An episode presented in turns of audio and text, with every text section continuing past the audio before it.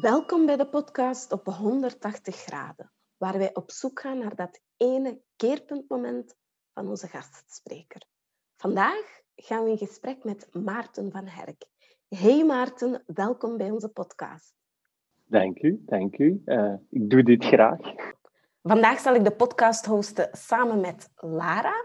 Maarten, als jij jouw gevoel van vandaag zou mogen omschrijven in de vorm van een keukenvoorwerp, welk keukenvoorwerp zou dat dan zijn?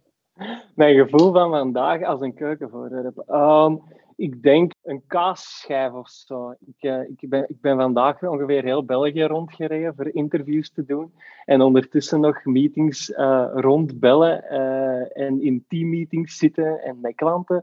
Dus het, was, het was een heel toffe, maar heel drukke dag. waarbij dat ik vooral ook heel veel met, mijn, met, met verschillende basstagiairs ook heel veel meetings heb gehad. Dus dat is heel veel doen. Dus ik ben helemaal doorgeraspt, zal ik zeggen. Dankjewel. Maarten voelt zich dus vandaag als een kaasschijf. We gaan meteen van start met onze allerbelangrijkste vraag eigenlijk, waar deze podcast ronddraait. Een belangrijk keerpuntmoment. Maarten, wat was voor jou jouw belangrijkste keerpuntmoment, jouw 180 graden? Ja, het is niet één moment. Het is eigenlijk een aaneenschakeling van momenten vanaf het moment dat ik eigenlijk beslist heb om tijdens mijn einde van mijn schooljaar, nu ongeveer tien jaar geleden al, um, om, om de stap te zetten om eigenlijk um, een project te gaan doen, eerst in Val Valencia en dan in Salamanca, om daar eigenlijk mijn stage verder uh, te gaan uitoefenen, zal ik zeggen.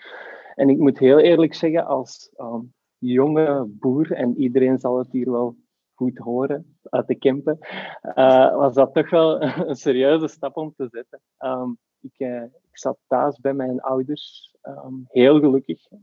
Maar ja, toch een beetje wereldvreemd zal ik zeggen. En eigenlijk heb ik daar alles geleerd wat ik kon leren. Ineens moet je voor je eigen zorgen. Ineens uh, zit je alleen op een appartement in een vreemd land, waar dat je eigenlijk ook een vreemde taal moet leren okay, dat valt wel mee Spaans, want ik had wel beginlessen Spaans gehad in de hogeschool. Maar toch was dat een, een, moeilijke stap om te zetten eigenlijk. En dat heeft een serieus schok-effect gecreëerd in het begin, toen ik er midden in de nacht aankwam, letterlijk, en die wist waar dat ik moest zijn, omdat mijn vlucht zoveel vertraging had en de bus zoveel vertraging. En ik was echt, ja, ik was wereldvreemd. Dus ja, als 19-jarig jongetje echt uh, daar, daar beland. En um, ik ben daar meteen enorm goed opgevangen door mijn um, medestudenten eigenlijk, dat op dezelfde plek stage deden. En daar heb ik echt wel heel veel internationale vriendschappen um, opge, ja, opgestart.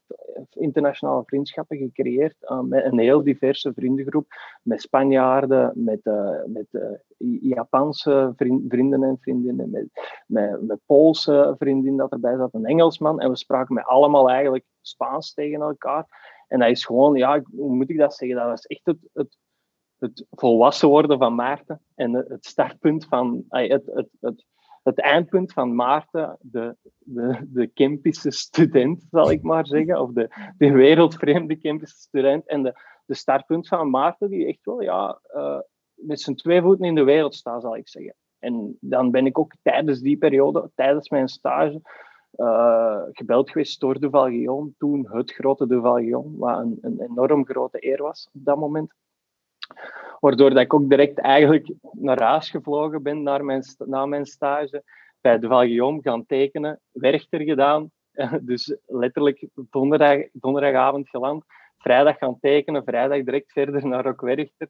Een weekend Rockwerchter. En maandags begonnen bij de Valguillaume. Wat redelijk stevig was. Want ja, ik had gewoon nog geen moment uh, geademd.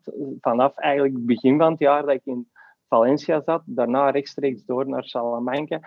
En dan van Salamanca direct beginnen werken bij de Valjon. Ik had zelfs nog geen tijd om mijn, om mijn scriptie in te dienen. Dat heb ik dan in tweede zit ingediend, terwijl ik al bij de Valjon aan het werk was. En er is zoveel gebeurd op een half jaar, of minder dan een half jaar tijd. En, ik ben daar zo hard door veranderd en zo sterk, ay, zoveel sterker, denk ik ook, en zelfzekerder door geworden. Dat dat echt wel ja, het startpunt van mijn carrière, maar ook van een ander persoon letterlijk is. Ja. Hoe reageerden voilà. uw vrienden en uw familie daar eigenlijk op? Want je zegt, joh, ik, ik, ik vertrek, ik ga naar Spanje. Ehm, maar dat lijkt mij niet altijd makkelijk voor die omgeving eigenlijk. Ja, ik, zeker op dat moment was dat ook nog niet. Dat was nog eigenlijk voordat er heel veel Erasmus gebeurde of dergelijke. Want ja, is ondertussen tien jaar geleden, zoals ik al zeg. En uh, ja, eigenlijk was dat heel speciaal. Wel, vooral voor mijn vrienden. Ik voetbalde er ook en we gingen met ons voetbalploeg kampioen spelen. En dat werd zo ook allemaal niet echt goed begrepen van hoe jij gaat ons hier verlaten. Uh, en ineens um, moeten wij zonder u het jaar afmaken. We zijn uiteindelijk nog wel kampioen gespeeld, maar hey, dat was wel heel raar eigenlijk. Van, ik, heb, ik heb inderdaad van het ene moment op het andere beslist om alles achter te laten, letterlijk. En mijn ouders hebben mij er enorm hard in gesteund, moet ik heel eerlijk zeggen. Um, ze hebben mij ook financieel enorm hard gesteund. Alhoewel dat, dat hen eigenlijk wel ja, een beetje financieel pijn heeft gedaan zelfs. Dus dat is wel...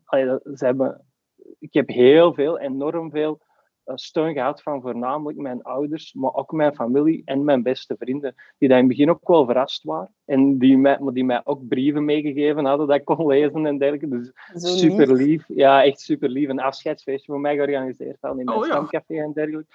Ja, dat was echt wel een speciale een speciale belevenis, omdat dat, dat werd niet zo vaak gedaan toen. En zeker niet door iemand vanuit de Kempen, uh, vanuit dat, dat, dat klein dorpje Herenthuis. Dus toen was dat wel echt een, een speciaal moment, ja. En dus daar is eigenlijk uiteindelijk heel positief op gereageerd, maar er was wel even dat shock-effect ook met het voetbalteam en, en dergelijke. Dus ja, dat was, dat was fijn, maar toch ja, speciaal.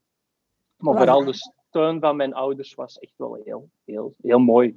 Was dat eigenlijk een heel bewuste keuze geweest? Of was dat eerst, eerder zoiets van, oké, ik ben jong en uh, ik ga naar... Uh, ik vertrek en ik zie wel wat er gebeurt?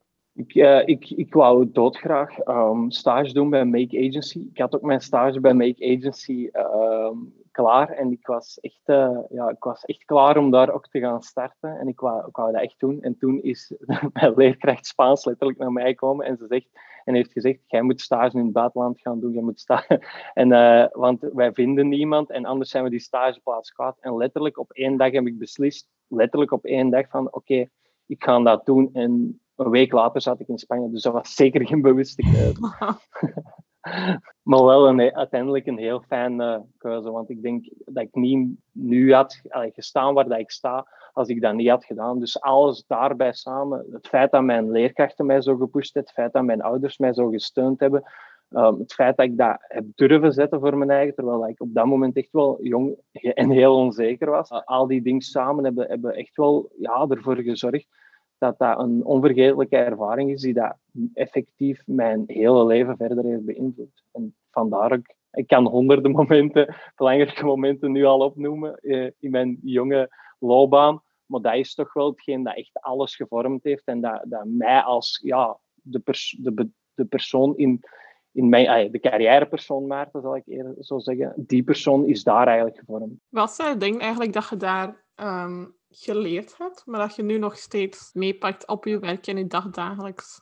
Ja, ik denk dat dat heel veel is. Ik denk dat dat uh, vooral leren alleen zijn is dat dat super belangrijk is. Ik, was nooit alleen, ik was altijd bij mijn ouders, bij mijn vrienden, bij mijn, bij mijn familie, uh, altijd op cafés met hen. En het, het leren alleen zijn, het leren zelfstandig zijn en het leren um, ook weten dat alles wel goed komt, is wel iets dat, dat ik nog elke dag gebruik. Um, ook naar, naar mijn klanten toe. Um, je kunt heel makkelijk stress relativeren vanaf het moment dat je eigenlijk ziet dat het allemaal toch niet zo erg is. Dat het altijd wel... dat, is, dat, is, dat is raar om te zeggen, het komt altijd wel goed. Maar op zich is dat wel een beetje. Op zich is het allemaal niet zo erg. En ik moet heel eerlijk zeggen, um, bijvoorbeeld zo uh, COVID, waar dat we nu in zitten en dergelijke, dat zijn allemaal zaken waar dat, uh, dat is super erg. Maar uiteindelijk komen we daar met z'n allen wel, wel door ook. En, en ik, denk, ik denk dat ik daar al, dat is daar allemaal wel heb leren relativeren. Van het feit dat, je, dat ik daar, wat ik zeg, midden in de nacht daar aankom en dat ik echt even gewoon helemaal van de kaart ben. En dat dat, dat, dat gewoon allemaal direct goed komt en dat dat allemaal direct juist zit en dat die stage 100% meevalt en dat ik, dat ik stap voor stap Spaans leer spreken, dat ik daar vrienden opbouw en dergelijke. En zegt wel, als dat, als dat lukt, dan, dan, dan zullen we wel door periodes zoals deze ook wel doorkomen. Ik denk dat dat het allerbelangrijkste is dat ik daar geleerd heb en die is dat ik nog elke dag meeneem. En ook elke dag zeg tegen de mensen rondom mij. In bastermen noemen we dat AKAG. Alles komt altijd goed. Ja, ja. ja maar dat, dat is ook zo. Hè. En, en hoe erg dat, dat het ook lijkt op dat moment en hoe hard dat wij ook denken dat de wereld gaat vergaan, doordat we eens uh, niet direct het juiste idee vinden of doordat we eens niet direct de juiste strategie vinden. Ik vind dat ook allemaal erg. Hè? En ik, ik kan me dat ook enorm hard aantrekken allemaal. Maar uiteindelijk, als je, als je dan het even terug van op een afstand bekijkt, is dat ook allemaal niet zo erg. Hè? We zijn hier geen... Allee, voorlopig ben ik hier ook nog geen mensenlevens aan het redden, bij wijze van spreken. Ja, het leren relativeren is echt wel enorm belangrijk. Zeg Maarten, zijt je eigenlijk tevreden met waar je nu op dit moment in uw um, carrière staat? Of heb je echt nog een droom voor de toekomst uh, om iets totaal anders te doen, bijvoorbeeld? Dat is een, een heel goede vraag. Ik denk puur als ik terugga met het verhaal dat ik net verteld heb en ik zie waar dat ik tien jaar geleden stond, um, toen ik 19 of 20 jaar was, en waar dat ik nu sta, dan sta ik veel verder dan dat ik toen als 20-jarige ooit had durven dromen. Ik bedoel, ik heb, ik heb bij alle, ik heb bij veel grote agencies gewerkt. Ik heb heel veel gezien. Ik heb heel veel, heel veel heel interessante campagnes kunnen maken. Ik heb heel veel heel toffe campagnes kunnen maken. Ik heb voor heel veel internationale en nationale klanten mogen werken. Ik heb voor mijn werk de wereld mogen afreizen. Um, en ik heb, ben nu hè, in, dat, in het project Defiant gestapt ik ben nu begonnen met mijn eigen bedrijf op te starten, wat, ik nooit verwacht had dat ik dat ooit zou doen. Ik kan niet anders dan tevreden terugkijken op alles wat ik al bereikt heb. Wil dat zeggen dat ik tevreden ben met waar dat ik nu sta? Nee, totaal niet. Ik denk dat ik iemand ben dat nooit tevreden zal zijn. En dat zal, dat zal ook altijd een beetje blijven knagen aan mij. Ik bedoel, ik heb heel vaak, en dan kijk ik weer terug naar die Kempische achtergrond, heb ik die discussies met mijn ouders uh, of met mijn familie, waarbij dat ze zeggen van, ja, gaat je nu weer veranderen, of gaat je nu weer een andere stap nemen, of gaat je nu weer een andere richting gaan? Je zit zo goed, je bent zo gelukkig. Maar gewoon gelukkig is niet genoeg voor mij. Ik zoek altijd naar dat extra, naar die nieuwe uitdaging, naar, dat, naar toch dat, dat extra gevoel van van geluk, denk ik. En ja, mijn professioneel geluk hangt heel hard samen met mijn persoonlijk geluk. Ik denk dat jullie dat wel uh, weten. Dus, dus dat zal ook altijd uh, aan mijn carrière gekoppeld worden. En dus ik ben zeker gelukkig met alles wat ik al heb kunnen doen. En, en, en, en ik kan er met, met heel veel trots naar terugkijken. Maar ik heb vooral ook nog heel veel goesting om nog heel veel andere dingen te doen. En dat is ook wel... En ik denk, zolang dat ik dat heb, dat dat ook wel het verschil bij mij maakt. Vanaf het moment dat dat weg zou vallen, denk ik dat ook mijn edge zou wegvallen en dat het misschien tijd wordt om toch een hele, een, een echte carrière switch te maken en niet meer in deze vak te, door te brengen.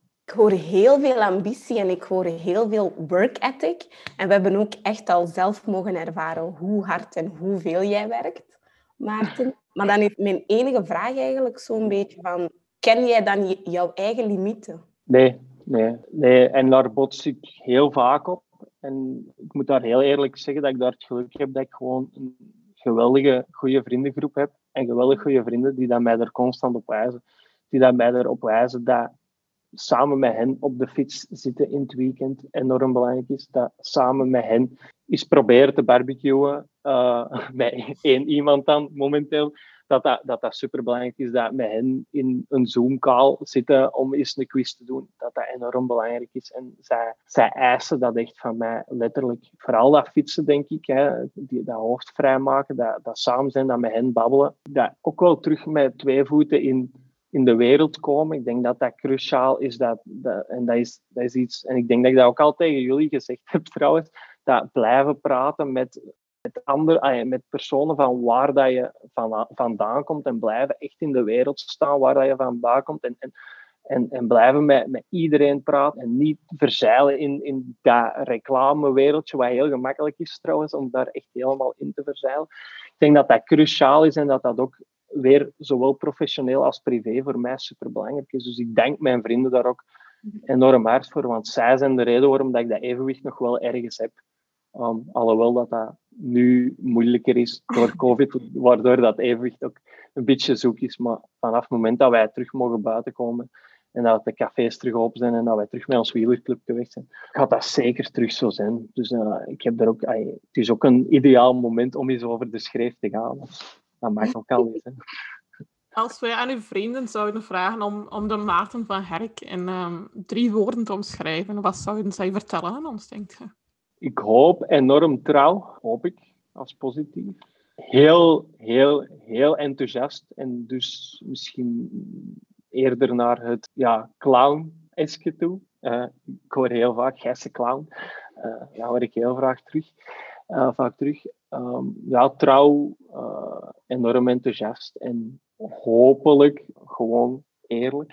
Ik denk dat dat geen, het enige is wat ik probeer altijd te zijn. En altijd en uh, tegen iedereen overal mee te nemen. Dat is gewoon eerlijk zijn tegen iedereen. En ook soms is dat recht uit. Hè. Al, die, al die tweets zijn zowel positief als negatief natuurlijk. Dus soms is eerlijk ook um, redelijk zwaar en kan dat ook hard aankomen. Maar ik hoop dan toch dat dat dat uiteindelijk altijd wel wint. Ik heb daar juist wel relativeren gehoord als een van de dingen die jij meenam. Wat is het verschil eigenlijk tussen de 19-jarige Maarten die jij toen was en ik denk dat je nu 30, 31 bent? 31. 31, voilà. Wat is het verschil tussen de 19-jarige Maarten en de 30-jarige Maarten? Alles. Alles. Ik denk, ja, nee, ik denk echt letterlijk van introverte jongen die niet veel durft zeggen, die niet, die niet voor zijn eigen opkwam, tot zelfs zeker een man. Ik denk dat dat, dat, dat effectief het, het verschil is. En dat is gewoon alles. Dat is letterlijk alles. Dat is echt... Uh, twee personen zijn zelfs niet meer met elkaar te vergelijken. Again, die experience heeft dat wel zover gebracht, denk ik. Dus ik weet niet of dat een goede antwoord op uw vraag is, maar ja, ik kan het niet anders verwoorden dan letterlijk gewoon, dat zijn twee totaal verschillende personen. Dat is echt een introverte jongen dat niet voor zich durft opkomen en nu gewoon een volwassen man dat dat wel doet. Een navel was. We hebben een laatste slotvraag voor jou. Als we aan familie en vrienden zouden vragen wat zij denken dat jouw belangrijkste keerpunt zou geweest zijn of is, zouden zij dan ook het moment opzommen dat jij ons net hebt verteld? Of zouden zij totaal iets anders eh, benoemen? totaal iets anders. Ja. ja, omdat tegenover mijn vrienden ben ik altijd eerlijk en altijd open en altijd die clown geweest. Die dat ik, wat ik net zeg, die drie treats, die zijn tegenover hen altijd zo gebleven. Van, van dat ik kind was tot nu, want al mijn vrienden zijn ook gewoon echt letterlijk mijn jeugdvrienden en kindvrienden. Dus ik ben er altijd zo tegen geweest. Uh, en zo, zo, zo, wij zijn altijd zo met elkaar opge, opgeschoten. Dus zij hebben die een change van mij niet zo meegemaakt of zo op professioneel vlak. dat, is, dat is ook raar om te zeggen, maar ze zitten ook in heel andere sectoren. Ze, zitten, ze weten niet wat ik doe. Dat is altijd ook een mop van, wat doe je, wat doe je eigenlijk als job? En dan, dan leg je dat altijd weg, want ik probeer dat zelfs niet uit te leggen. Niet meer. Dus, dus niemand weet eigenlijk wat ik doe. Zelfs mijn moeder weet dat niet. Ik denk dat zij heel andere momenten gaan, gaan, uh, gaan nemen. Hè. Of dat dat nu is relaties met vrouwen, of, of dat dat verhuizen naar Antwerpen is, wat voor hen natuurlijk heel veel impact had. Oh, ik denk dat zij het eerder daar gaan zoeken dan, uh, dan dat stagestuk. Ja. Voel daar een uh, keerpuntmoment 2.0 op komen? nee, nee, zeker niet. Nee, nee, nee, nee, zeker niet. Nee, nee, nee, zeker niet. Nee, nee. Maar in ieder geval, dat gaan zij wel zeggen. Ik denk dat zij veel meer verandering opmerken of zien in de, de laatste drie, vijf jaar dan, dan, dan toen. Omdat ik wel altijd, ik ben nog altijd dezelfde, maar ze zien mij natuurlijk ook minder nu. Ook mm. omdat, omdat ik ook mijn eigen bedrijf opgestart heb, omdat COVID eraan is gekomen, omdat ik in Antwerpen nu ben komen wonen. In plaats van, dat is de eerste keer dat ik niet altijd niet meer bij hen ben. Dus ik denk dat zij dit veel meer zien dan een keerpunt dan, dan tien jaar geleden. Oké, super bedankt Maarten. Um, ja, ik vond het heel interessant, heel herkenbaar vooral ook. Uh, en ik denk ook dat heel veel van onze luisteraars er ook wel iets uit gaan kunnen halen, alleszins. Dus, um, ik hoop het. Als ze u nog opnieuw willen terugvinden, waar kunnen zij je opzoeken? Kunnen ze je op Instagram terugvinden? Of, of is LinkedIn beter? Of wat is handig? Instagram, LinkedIn. Um, zowel altijd, meestal Maarten V. Herk, met CK. Uh, of Defiant. Uh, de Defiant ones. Dus beide kanalen zijn mogelijk, zowel op Instagram als LinkedIn. Dus dat is allemaal perfect mogelijk. Oké, ideaal. Super bedankt, Maarten. En ehm, ja, hopelijk tot sneller. Tot de Ja, volgende. tot snel. Dag. Dag.